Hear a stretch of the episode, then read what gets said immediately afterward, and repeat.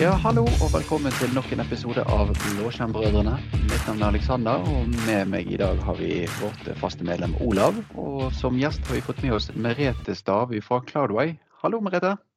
Hallo, Alexander, og hallo, Olav. Veldig hyggelig å være med. Jeg er da Merete SharePoint-Stave, pleier jeg av og til å si, eh, fra Cloudway. Eh, og i Cloudway så er vi jo eh, på en måte ridderne rundt bord. Vi, vi er syv stykker enn så lenge. og vi jo da, vi jo, brenner jo for Microsoft 365-sfæren. Og det vi liker å si, er at vi fjerner blokkeringer for at folk skal komme seg videre da, i den jobben de gjør, eller det de ønsker å få ut av eh, den gjerne plattformen de har kjøpt, eller de er i ferd med å installere. Så vi er jo forskjellig kompetanse, alt fra voice og telefoni og, og Teams-møte og migrering av ymse, fra om det er on-premise eller fra forskjellig SharePoint eller fra Skype til Teams. Og vår mantra er jo da 'secure productivity happens in the cloud and we will help you on your way'. Så det er liksom Vi hjelper folk og bedrifter for å få verdi ut av Microsoft 365-sfæren. Det kan jo snakke på inn- og utpust når det gjelder SharePoint, så jeg har jo holdt på med det. Tilfeldigvis havna jeg vel inni det da jeg jobbet med SharePoint 2007-versjonen sånn ca. i 2009. Og så er det gjerne som man sier 'the rest is history'.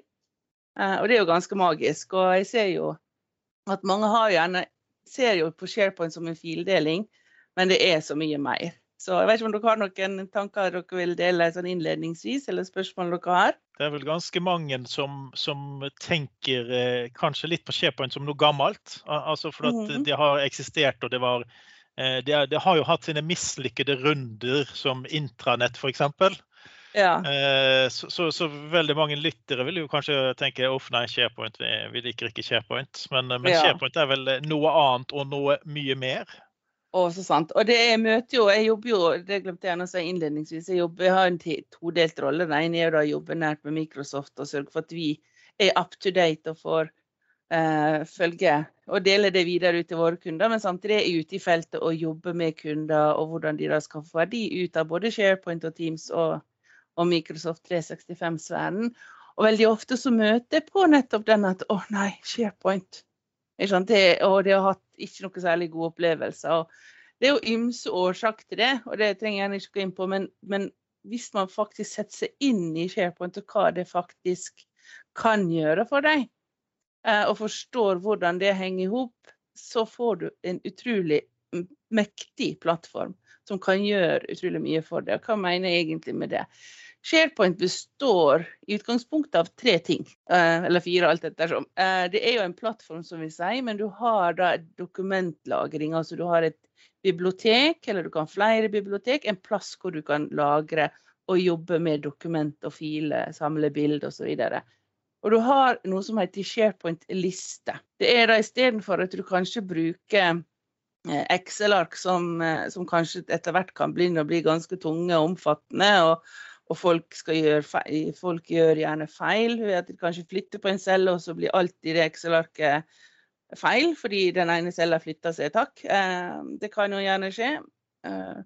Og istedenfor så kan du da bruke SharePoint-liste for logger. Det kan være en endringslogg, det kan være til og med risikohåndtering. Altså gå gjennom risikoelement og hvilke tiltak og hvilken eh, konsekvens og effekt osv. du kan ha av en, risikomatrise. Eh, du kan bruke SharePoint-liste til og med til det, eh, hvis du ikke har et eget risikoverktøy. Og du kan bruke disse listene til veldig mange forskjellige ting. Alt som du gjerne bruker en logg til, og gjerne enkle Excel-lister kan du rett og slett overføre til SharePoint-lister. fordi da har hver rad har sitt eget liv, sånn at veldig mange kan jobbe inn i den samme lista uten at du ødelegger for alle de andre radene hvis du skulle gjøre en feil.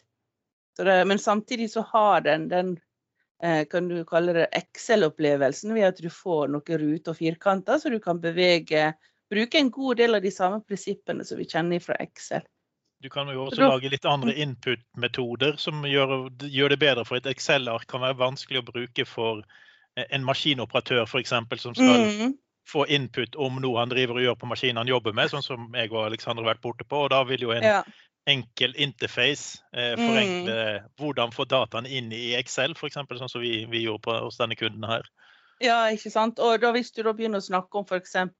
Og det er jo bare det jeg snakket om med de listene, er jo det som bare ligger i SharePoint. Den lista i SharePoint kan du også lage forskjellige filter på, enten om det er permanente filter eller midlertidige filter, eller gruppering av den informasjonen. Samtidig så kan du også f.eks. da bruke Microsoft Forms, som er et spørreskjema-typ, eh, som du kan bruke. Om du da har bare én, to felt, ett eller to felt der, men du får da den informasjonen som, som, du gjerne skal ha inn fra forskjellige kanter, så kan du sette på eh, Har du det eh, Microsoft Forms, og så legger du på Power Automate, en arbeidsflyt, som gjør at hver gang noen eh, registrerer et eller annet i det skjemaet, så går det automatisk inn i den eh, SharePoint-lista. Og Det betyr at det er kun de, f.eks. de som er ute i felt, eller om det er en kunde, eller om det er en annen partner. Da, de, da, kommer de med sin input, men de ser ingenting av de andre, for de vet jo ikke hvor det bor. Men samtidig, de som skal jobbe med det innholdet og all den informasjonen og den inputen, de har jo da selvfølgelig full tilgang til den SharePoint-lista. Så bare det er et eksempel på hvordan du da kan knytte de andre verktøyene sammen, samtidig som du sikrer informasjon. Ikke sant? Veldig enkelt. Uh, og I tillegg til da, at du har dokumentbibliotek og du har, uh, du har disse listene, listemulighetene. Og den listemuligheten kan du også bruke i dokumentbibliotek. Så jeg tror jeg skal lage et lite webinar akkurat på dette. der, For det er veldig spennende alt du kan gjøre med liste og bibliotek. Ja, for vi ser jo uh, det at Du nevnte jo dokumentbibliotek. Og vi ser jo det at lister blir jo bl.a. brukt til OneDrive for business. Ja, ikke sant? Så, så, for å sørge for at forvirringen kan bli litt sånn magisk, så Den blir, det, det ja, det, det morsomme er jo at det er veldig mange som misliker SharePoint, de elsker OneDrive. ja, men da har jeg en liten hemmelighet, og det er at OneDrive er faktisk SharePoint. Så da har du faktisk vært glad i SharePoint ganske lenge når du har likt OneDrive. Og når vi snakker om OneDrive, så er det litt viktig OneDrive og SharePoint. Hva er egentlig alle disse her? Som jeg sa, alt er jo egentlig eh, SharePoint. Og du har jo også forskjellige typer SharePoint sites. Uh, la oss begynne med OneDrive. Det er som et dokumentbibliotek. Du kan lage mapper, og du kan laste opp filer. Om det er dokument eller om det er bilde, så kan du laste de opp.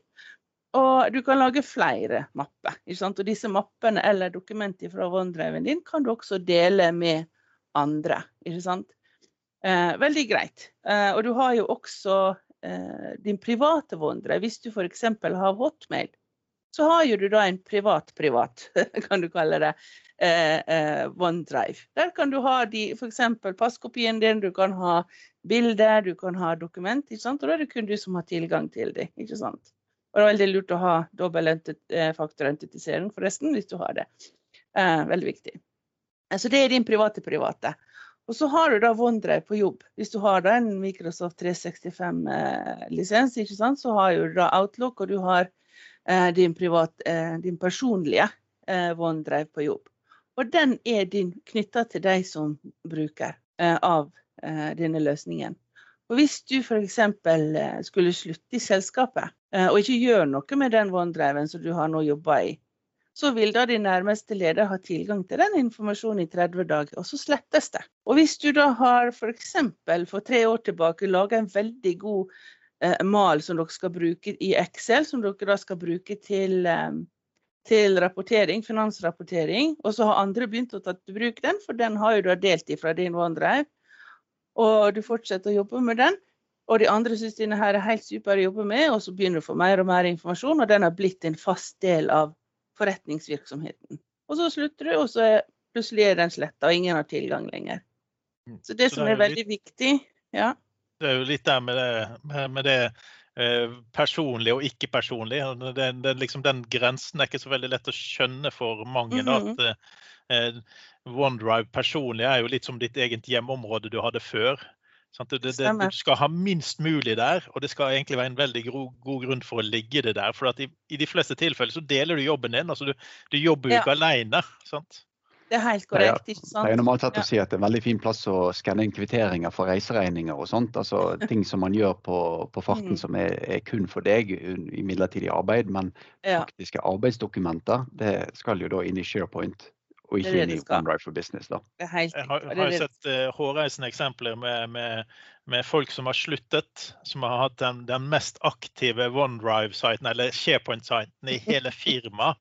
Det var en ja. kar som hadde sluttet, og han hadde jo hundrevis av eh, access for dagen. Og det var like mye som alle andre totalt sett på alt annet hadde. Eh, og han mm. hadde da sluttet seks måneder før, men de hadde beholdt abonnementet, for de fant ut at når de disablet det, så skjedde det jo gale ting. Så de slo det på. sant?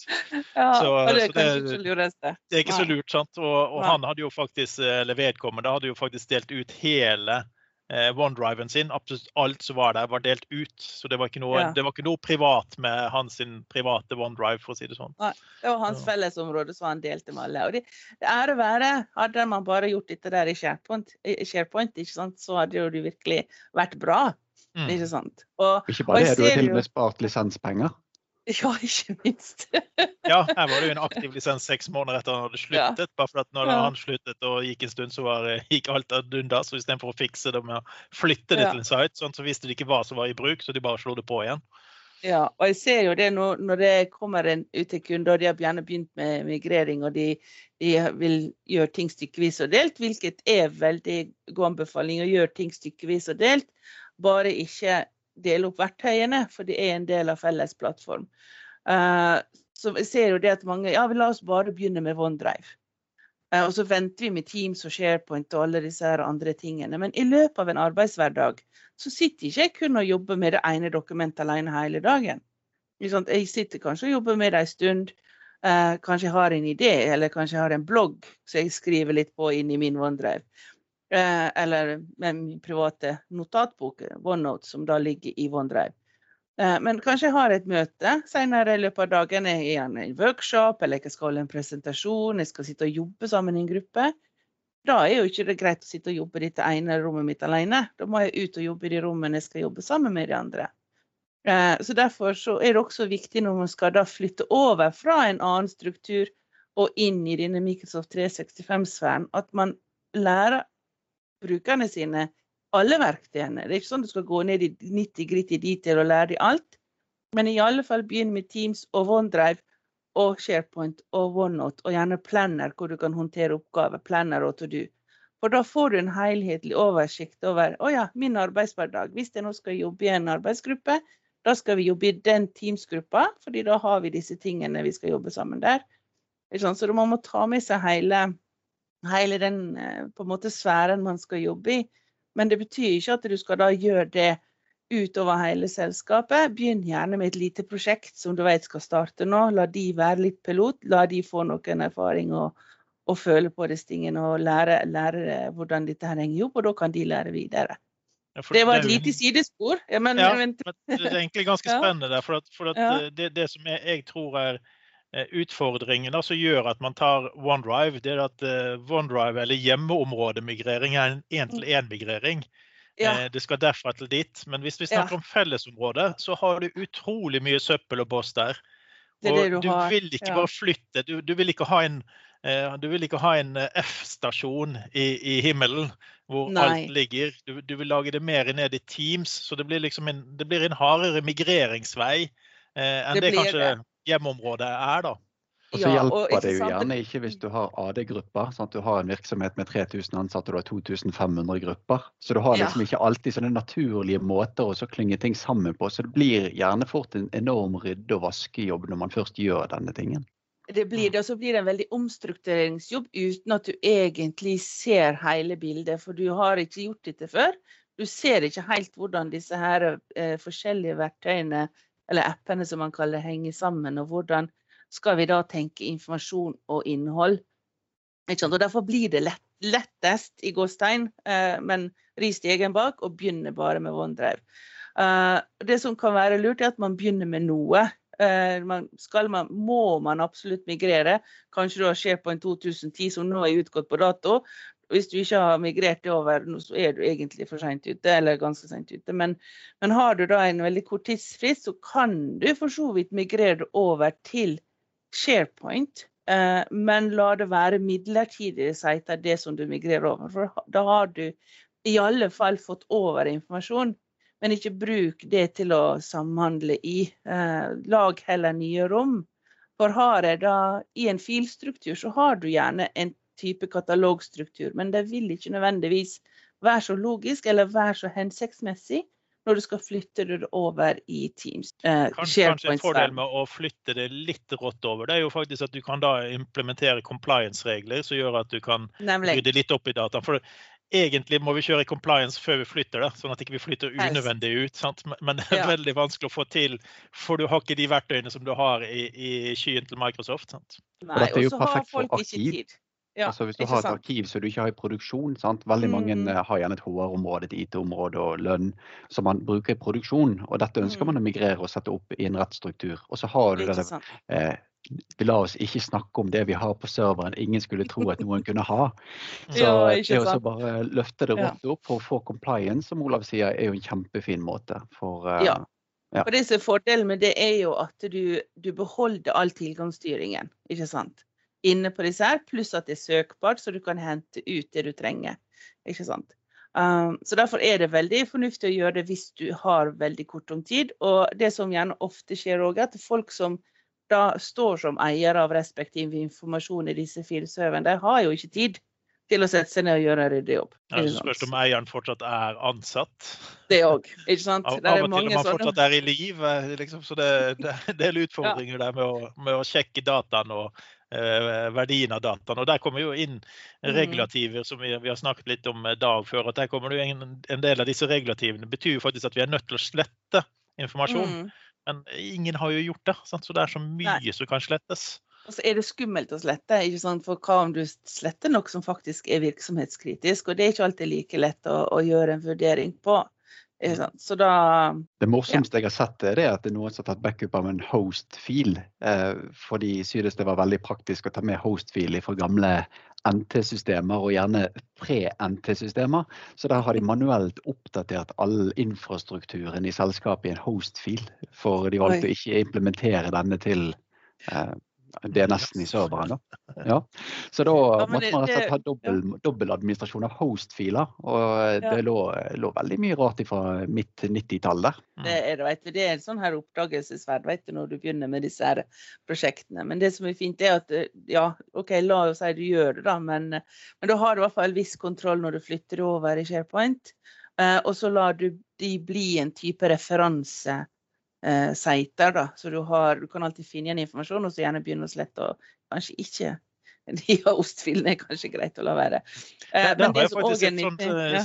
sideråd. Det er at Fileserver mm. Resource Manager mener jeg det heter, som er, ligger på alle endte eh, og nyere eh, maskiner, altså dvs. Si, eh, on premises-serverne dine.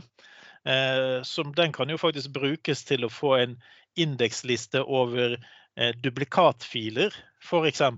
Store mm. filer OSD-filer, som du sier, og kanskje PSD-filer og arkivfiler.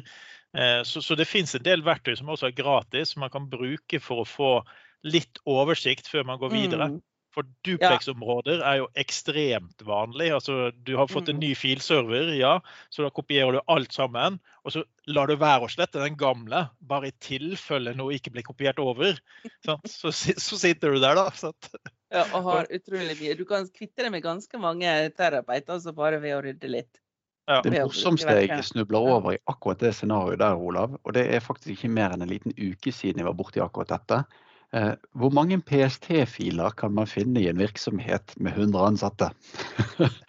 Der har man jo gjerne ikke bare arkivert én gang, man har sørget for det at når man da resatte en gang til, så har man bare kjørt en ny arkivering, sånn at man er sikker på at ingenting blir overskrevet.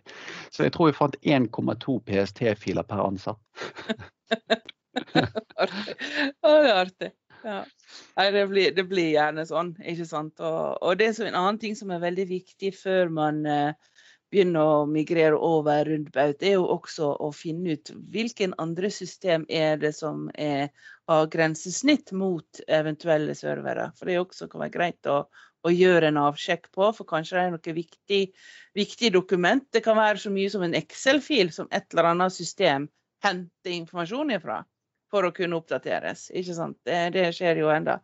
Ja, applikasjoner som har en config-fil liggende i fellesområdet. Det har vi sett masse eksempler på. Mm. Og så du, stenger du det området, så plutselig slutter systemet du ikke ante du hadde, å virke. Altså, ja. Brusautomaten spytter bare ut eh, Cola Zero og ikke vanlig cola. Altså, Ja, men altså, ting kan ha uante konsekvenser. ikke sant? Ja, ja, det er nettopp det. Så det, det, er greit å gjøre et lite, litt kartlegging av, av, landskapet. Hvordan ser det ut? Og Der er jo disse her verktøyene som faktisk Microsoft har. Du har jo assessment, du kan gjøre assessment av løsningen. og, og der er veldig mye du kan, kan gjøre bra der altså, for å få, få hjelp til nettopp dette der. Men litt, som du sa der, Olav, det beste er jo hvis det slutter å virke med en gang. Ingenting er verre enn hvis du har 30 dagers cashing eller 14 dagers latency eller noe sånt, for da er det ingen som vet hva du slår for 14 dager siden. Ja, eller han rebooter en gang hvert halv år. Sant? Altså, da skal han hente komfien sin. Det kan jo faktisk være utstyr, nettverksutstyr f.eks. Så har komfi ja. hentet fra eksterne kilder for å være synkron. Sant? Altså det, det, det, er så mye som kan gå galt. Og det, som du sier, det, det, er liksom ikke det som skjer akkurat nå som er problemet. Det er det du ikke skjønner noe av om en måned. Et lite øyeblikk. Jeg skal bytte boden min og sette på igjen nesen min her. Et lite øyeblikk. Ja. det går bra. Ja. ja. Nei, det er spennende. Det er jo derfor det er spennende å jobbe med dette her. Ikke sant? Det er alltid noe uforutsett som, som dukker opp. Det er det jo. Men, men, det er viktig å få gjort en kartlegging på forhånd og, og tenke over hvor skal det. Altså skal man migrere over til disse her referansesitene, som man kan kalle det. fordi da kan du fremdeles jobbe i det en viss periode til du får laga noe nytt. Og så er det da, hva gjør du da? OK, du har migrert, hva gjør du nett? Ikke sant? Og da er det å se på Gjerne glem litt hierarki, eh, for veldig ofte så har vi det med å lage strukturer basert på hvordan hierarkiet ser ut. Men det som vi gjerne etter hvert har funnet ut at eh, organisasjoner de har det med å forandre på seg. Og sannsynligvis vil de fortsette med det. Men prosessene er gjerne det som er mer eller mindre fast. Selvfølgelig kan du få nye prosesser, og prosessene også vil forhåpentligvis endre seg og gjøres mer effektive når du flytter det over en ny plattform. Eh, men det man gjerne kan si er da, ok, hvilke eh, prosesser er det vi har. F.eks. da det hvordan kjører vi prosjekt. Right, Da kan vi lage team som er spesifisert for, for prosjekt. Og da har de kanaler eh, i selve Teams-rommet som kanskje følge fasene til prosjekt, eller du har inndel på møte og leveranse og plan og strategi osv. Noe som er logisk for enhver prosjektleder når en kommer inn i det Teams-rommet. Så ser han eller hun at ja, men her vet jeg hvor jeg skal gjøre planene mine, her vet jeg hvor jeg skal gjøre av møtereferatene. ikke sant? Um, og da i SharePoint, som hører til denne her Teamsen for prosjektet, så lager man da en, en god struktur og bruker gjerne listene og sidene inni den sharepointen og knytte det til Teamsen. Uh, I tillegg til den files som ligger der. Inni files uh, i Teams-kanalene så er det der du på en måte har de her dokumentmappene så du ser umiddelbart. Men i tillegg så kan du lage flere bibliotek, du kan lage flere sider hvor du har da beskrivelse av de forskjellige prosessene som skal foregå i prosjektet osv. Så, videre. så det er sånn som man kan knytte sammen. Og når man da har strukturert en SharePoint som hører til prosjektet, da flytter man da det som er dokumentasjon relatert til prosjektet, inn i den SharePoint som hører til det Teamset. Jeg tror faktisk også det er ganske mange brukere som eh, ikke har fått med seg det eh, med at de filene du ser i Teams som ligger under filer eller files, mm. eh, de er som du sier, det er jo en SharePoint-sak. Eh, og du kan faktisk, Hvis du tar og åpner dem i SharePoint, så kan du synkronisere dem, sånn at du vil se dem med utforskeren din. Ja, ikke sant. Eh, det er veldig ja. mange som har oppdaga nå. Det er ja. stas for de som er vant til å jobbe i Fileutforsker. ja, sant? det er en effektiv måte å ha, ha, filene på når du sitter og jobber i dem, istedenfor å gå inn i mm. Teams for å åpne dem, så kan du faktisk finne dem lettere på den, den måten. da. Det siste der er jo faktisk at hver kanal i Teams har jo faktisk sin egen mappe i denne siten. Så det mm. lureste du gjør, er å åpne den i SharePoint og gå inn i Teams. Og så åpner du disse filene i SharePoint for å gå opp på rotnivået, sånn at du synkroniserer ned alle mappene. Så slipper mm. du å få ekstra mange mapper i synkroniseringen din, men til gjengjeld vil du alltid få x antall med general. Mm. Ja, det, ja, det, ja general det er et eget kapittel i seg sjøl. Eh, men den kan ha sin nytte. Mange sier å nei, vi vil ikke ha den general, eh, general mappa og general kanal. Den kan være nyttig, f.eks. til å være kaffehjørnet nå som vi, vi, ikke får møtes fysisk. Så kan jo det være et ullåtøysehjørne eller hvor vi introduserer nye medlemmer og sånn. Eh, men ja, du har jo, har jo den general også med mappe. Så det, man må jo se på hvordan man vil bruke dette der. Men når det er snakket om det med, med synkronisering og, å jobbe i filutforsker, det er jo vel og bra det er positivt. Men samtidig, hvis man nå flytter seg litt og prøve seg litt fram i Teams, ved å jobbe i Teams eller i SharePoint, så har du også litt flere, flere muligheter og kan eh, jobbe eh, med de verktøy som finnes der. Du kan kommentere, du kan ha dialoger rundt det som dere jobber med i det, i det dokumentet. Og ikke minst, eh, hvis man ikke har prøvd det ennå, så prøv det med, med samredigering. Det er rett og slett magisk, for du ser eh, hvem som jobber sammen i hvilket avsnitt. Det fungerer som en drøm. Så det er spørs hva man skal gjøre med dokumentet. Noen foretrekker faktisk å jobbe i filutforsker. Noen etter hvert som de har oppdaga hvordan det er å jobbe med dokument i Teams-bildet, syns jo det er mye kulere. For da får du på en måte den umiddelbare reaksjonen. Du kan ha kommentarer som da havner inn i den her eh, samtalefeltet. Så du, du, knyttes mye mer sammen. Mens andre, da, sånn som kanskje meg, foretrekker å jobbe i SharePoint. Liksom, å, SharePoint er der jeg bor. ikke sant? Uh, så det kommer litt an på hvordan man vil jobbe med dokumentene. Men, men prøv det gjerne ut, for det er, det er kule måter uh, sammen. Så er det litt sammen. forskjellig hva slags type filer det er der. Om det er mm. filer som er støtt på, på en god måte i, i Teams, eller om uh, ja om det er mer tradisjonelle gamle filer eh, som du bare skal ha mm. tilgang til, altså biblioteker av, av noe, f.eks. Så. Ja.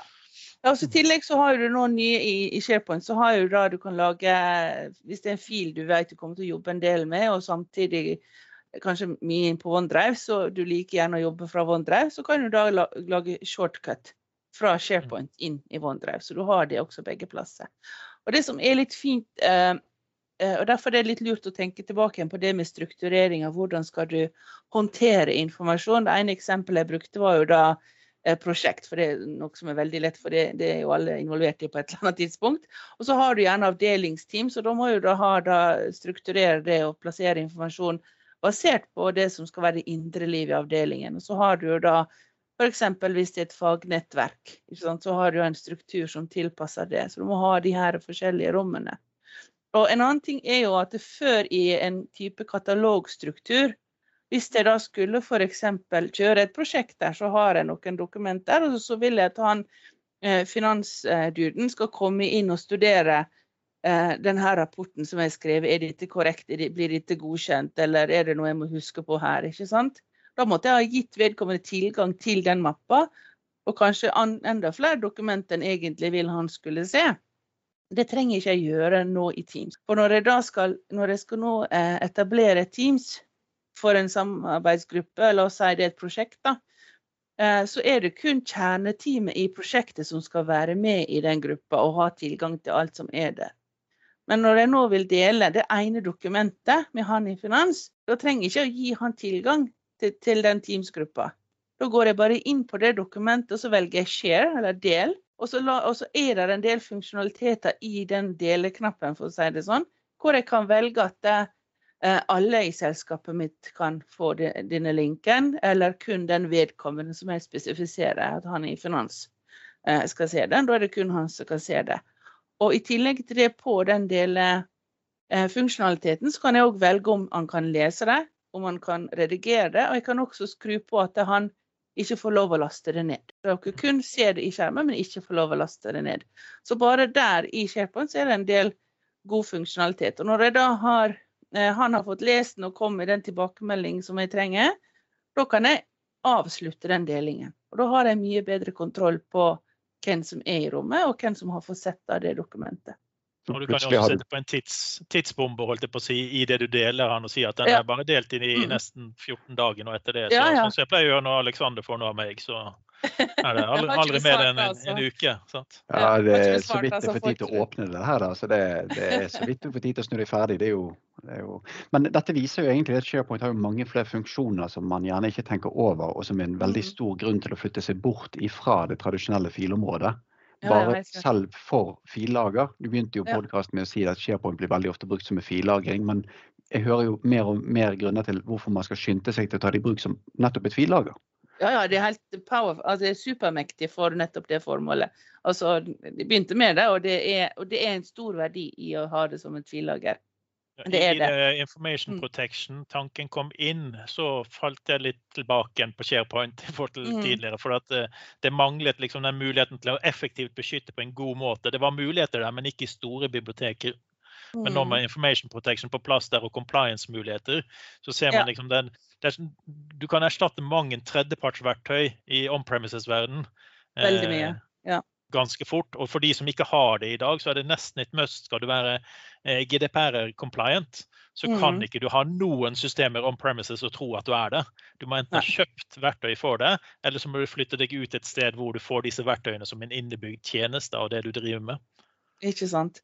Og I tillegg til det så har du muligheten til å legge på det som heter advanced data governance. og Det er litt større lerret å bleike, så det er gjerne når du kanskje enten velger å gjøre det umiddelbart når du er i denne prosessen. Det kan være fornuftig, det, hvis du har da ressurser til å gjøre det.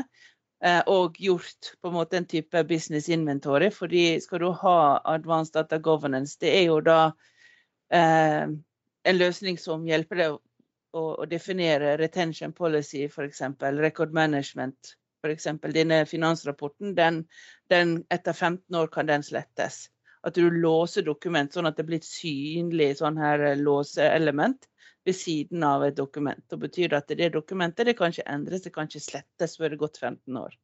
Mm. Men, det, men, det, kan ikke bare sette på, for det, da må jo du sjøl definere okay, hvilken type kategorier skal vi ha, hvilken type dokument skal ha hvilken type eh, livssyklus. Da, ikke sant? Så det må man på en måte sette opp sjøl med f.eks. Eh, de som har ansvar for information management i en bedrift.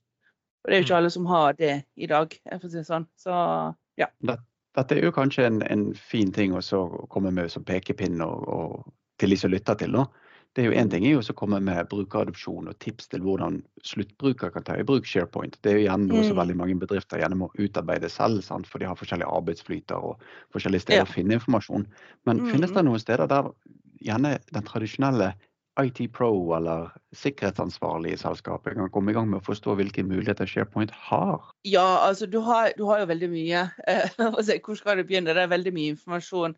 Så jeg tenker hvis man er ny i SharePoint, altså begynn bare med det helt eh, elementære i, i Hvis du googler SharePoint Help and Training, der, for Microsoft har jo laga enormt masse bra opplæringsmateriale. Eh, hvordan gjøre slik og slik. Eh, men de er nettopp hvordan gjøre A og B og C. Ikke sant? Hvordan lage en liste, hvordan lage et filter, hvordan lage et dokumentbibliotek.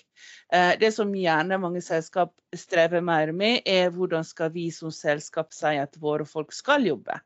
Og da er det litt, eh, litt Det krever litt mer. Og der vil jeg jo si Uh, hvis man kan ta denne her sertifiseringen som heter Teams Service Adoption Specialist. Den, det, det, står Teams, men, men uh, de, de, prinsippene og de, de materialet man lærer i den sertifiseringen, gir veldig god uh, bakgrunn for å kunne bygge et veikart på hvordan skal vi strukturere informasjon. For det er mye mer enn bare opplæring. Så Teams Service Adoption Specialist den er veldig nyttig uh, sertifisering å ta. Det er en sånn 90, 90 dollars type uh, sertifisering, men det er enormt mye bra materiale uh, man kan bruke for å utvikle de tingene man trenger. For det, det er flere fasetter. Det er både denne adopsjonsdelen, det er også hvordan skal du strukturere informasjon. Og så har jo da selvfølgelig Microsoft Document Center er det veldig mye, mye informasjon et av de enkle stedene å komme seg inn hvis du er administrator, det er jo faktisk å gå på admin microsoft.com. Så vil ja. du se at I hjørnet der så har du training and guides, hvor det er training for admins og training for users. Mm. Eh, og Da vil du kunne få linker du kan sette, sende ut til brukerne dine. F.eks. her, lær deg å bruke og så ja, det produktet du prøver å implementere. Sant? Så ja. det, er, det, er, masse som er lett å komme i gang hvis man bare bruker, uh, bruker de uh, verktøyene man har. Da. For Microsoft mm. har jo, som mm. du sier, Docs fra Microsoft er kanonbra. Og det meste ja. i training and guides er jo linket til Docs. Ja, ja, ja. Uh, men det er, er greit sted å starte for, for, å finne tingene, da. Men det, mm. det er mye god gratistrening ute og går. og, det er der men vurdering av hva som du kan hive på brukerne, er vel kanskje det som jeg tenker er den største utfordringen. Altså, du, du vil ikke ha overkill, at de tror at de skal måtte lære seg store nye fagfelt og måtte ha sertifiseringer. Sant? De skal bare Hvordan gjør jeg dette effektivt? Mm. Ja. ja. og den Service Adoption Specialist den tar jo ikke en sluttbruker. Det er jo da type de som er champions og de som er IT-pro i en virksomhet. Eh, har, vil ha stor nytte av å ta den sertifiseringen. Og så har jo det også noe som heter Champions Program Best Practices. Der ligger det også veldig mye godt materiale. Um, så, så der, det ligger jo på Microsoft Docs, da. Champion Program Best Practice. Um, for der, der, ligger det både maler, og der ligger det god praksis, som de sier. Uh, ja. Ikke sant? Så, Men, men uh, gjerne søk opp SharePoint på Microsoft Documents, og så gå ut derifra. ikke sant? Men så er det det hvordan skal du begynne på en god måte, og da gjerne la inn en konsulent og sørg for å, å, å oppdatere eh, egen kompetanse. For selv om du la inn gode konsulenter, de skal ikke være der for alltid. Så det anbefaler virkelig at man sørger for at man har god opplæring av de som skal drive og forvalte dette videre. For det er òg en nøkkel at Microsoft 365 er en levende materie. Det er ikke sånn at du eh, har et prosjekt, og så er du ferdig. Vi nærmer oss litt på tiden her nå, men, men eh, vi, vi, tenkte hvis vi skulle Det er masse mer vi kunne ha snakket om. Men, ja. men jeg tenker hvis, hvis, vi skulle sagt hva er den typiske eh, feilen som man skal passe for når man gjør dette her? Som et, sånn et råd mot slutten, hva er det en sånn typisk ting du må passe deg for? Oi, uh, ja, godt spørsmål. Ik ikke bare begynn med OneDrive. ikke bare begynn med Ja, nei, for det, skrev jeg meg bak øret her. Det, for det er sånn typisk ja. når vi har migrert, så har vi ofte migrert bare OneDrive. Ja. Eh, men det kan, som du sier, det, eh, i disse dager har vi jo flaks at Teams Norge var jo, som vi fikk avslørt her fra Microsoft Norge, er den høyeste andelen av brukere per innbygger i verden ja. når det gjelder Teams. Eh, mm. Så det betyr jo at veldig mange har da allerede begynt å få den strukturen i SharePoint på plass. Eh, mm. Så de kan kanskje bli litt flinkere til å begynne å bruke den effektivt før du begynner å migrere OneDrive, eh, kanskje. Ja, og det er en annen ting jeg tenker på er jo at ikke undervurder eh, dine ansatte liksom veldig ofte sier at dette er for vanskelig for de å lære. Og tenker nei, er det nå egentlig det? For veldig mange bruker Facebook eller sosiale medier eller Snapchat eller hva de bruker. De er vant til liksom trykke tommel opp. Altså, det er en del sånne prinsipp som du faktisk har lært i privatsfære, og bare ikke koble at du kan bruke det samme prinsippet på jobb. Mm. Ikke sant? At ikke undervurder det. Gi de, gi de litt mer uh, opplæring så de har mer digital kompetanse. Det er nummer én, for de kan mye mer enn du tror. Eh, og gi de også, la de få lov å, å skape mer. Ikke ha så veldig altfor mye kontroll. For noen ganger kontrollerer vi litt for mye, og da får ikke du det rommet til at de får lære seg å mestre verktøyene. Men det er en balansegang, selvfølgelig. Ja. Og så har man jo også recycle bin, som vi ikke har snakket om. Du har jo søppelbøtten, eller bosse, som vi sier her i Bergen. Eh, sånn at du, du, har faktisk det å leke seg litt, det er ikke nødvendigvis så kritisk. Men, eh, men eh, mm. selvfølgelig det er jo hvilket område man skal leke seg på. For jeg husker en av mine første implementeringer når vi hadde hva var det SharePoint het mm. før det het SharePoint. Ja, vi, vi hadde i hvert fall satt opp med synkronisering. Ja. Og så var det da en som hadde synkronisert det på PC-en sin, og så fant han ut at han hadde liten plass på PC-en sin, så han slettet alt. Slettet det. Mm. Ja, og da hadde jo han masse plass på PC-en sin, han, men uh, vi andre hadde ikke annet problem. Jeg har sjøl gjort den feilen, for å si det sånn. Ja. Det er noen feil du må gjøre for å virkelig kjenne det, men du behøver ikke gjøre alle feilene sjøl, da. Det Nei, så det er veldig greit å ha noen testområder og få prøve seg litt fram. Det er det. Folk kan dette mye bedre enn det man tror, faktisk. Det er det, så sant. Og de elsker det når de ser ut at oi, det dokumentet jeg holdt på med her, ligger plutselig på iPaden min eller på Android-telefonen min eller hva det skal være i klientene dine. Så du har ja. det med deg og kan gå inn og sjekke den der lille detaljen når du sitter på bussen og tenker hva, hva søren var det som sto i det dokumentet? Jo, det bare 'recent documents' eller nydelige dok dokumenter. Eh, mm. Så er du der. sant? Ja, ikke minst søk, men det kan vi snakke om en annen dag. Der er søk i Microsoft 365 er helt magisk. Du finner alt som du har tilgang til. Ja, jeg tror Microsoft 365 det er egentlig nummeret med blogger vi må ha for å gå gjennom hele SharePoint og alt som er spennende på beredten her, ikke sant?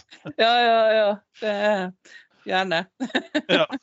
Masse yes. spennende å snakke om. Ja. Har du noen siste ord til oss, Aleksander? Nei, dette her var utrolig spennende. Og tipset er vel egentlig Eh, ta det i bruk, og ikke undervurdere alle mulighetene som finnes i SharePoint Online og Teams. Og verdien av produktene sammen, ikke hver for seg og frittstående. Mm. Og så kan du også snakke med Merete hvis du lurer på noe. Det er vel mulig ja, å snakke deg på sosiale medier. Å ja da. Er lett tilgjengelig. Sinne er lett. Ja. og så har vi Norwegian Microsoft 365 Community. Det var dagens lille reklamesnutt. Så der har vi stadig online-møte i Teams, selvfølgelig. Godt poeng. Eh, kommenter gjerne på LinkedIn-siden vår, f.eks. Vi, vi, vi, er jo sterkt tilbake der, og Merete følger jo oss eh, der også og vil sikkert se om det kommer noen kommentarer på episoden. Så bare kommenter der, eller hvor du måtte ønske å kommentere det, så, så prøver vi å komme tilbake til deg. Da runder vi av for dagens podkast. Tusen takk, Olav, og spesielt takk til deg og tiden din, Merete. Dette var veldig Tusen. hyggelig og lærerikt. Tusen takk, Aleksander og Olav. Stor stas å snakke SharePoint med dere. ja, tusen takk for eh, litt mer kunnskap. Det elsker vi. Ha det godt. Ha det bra.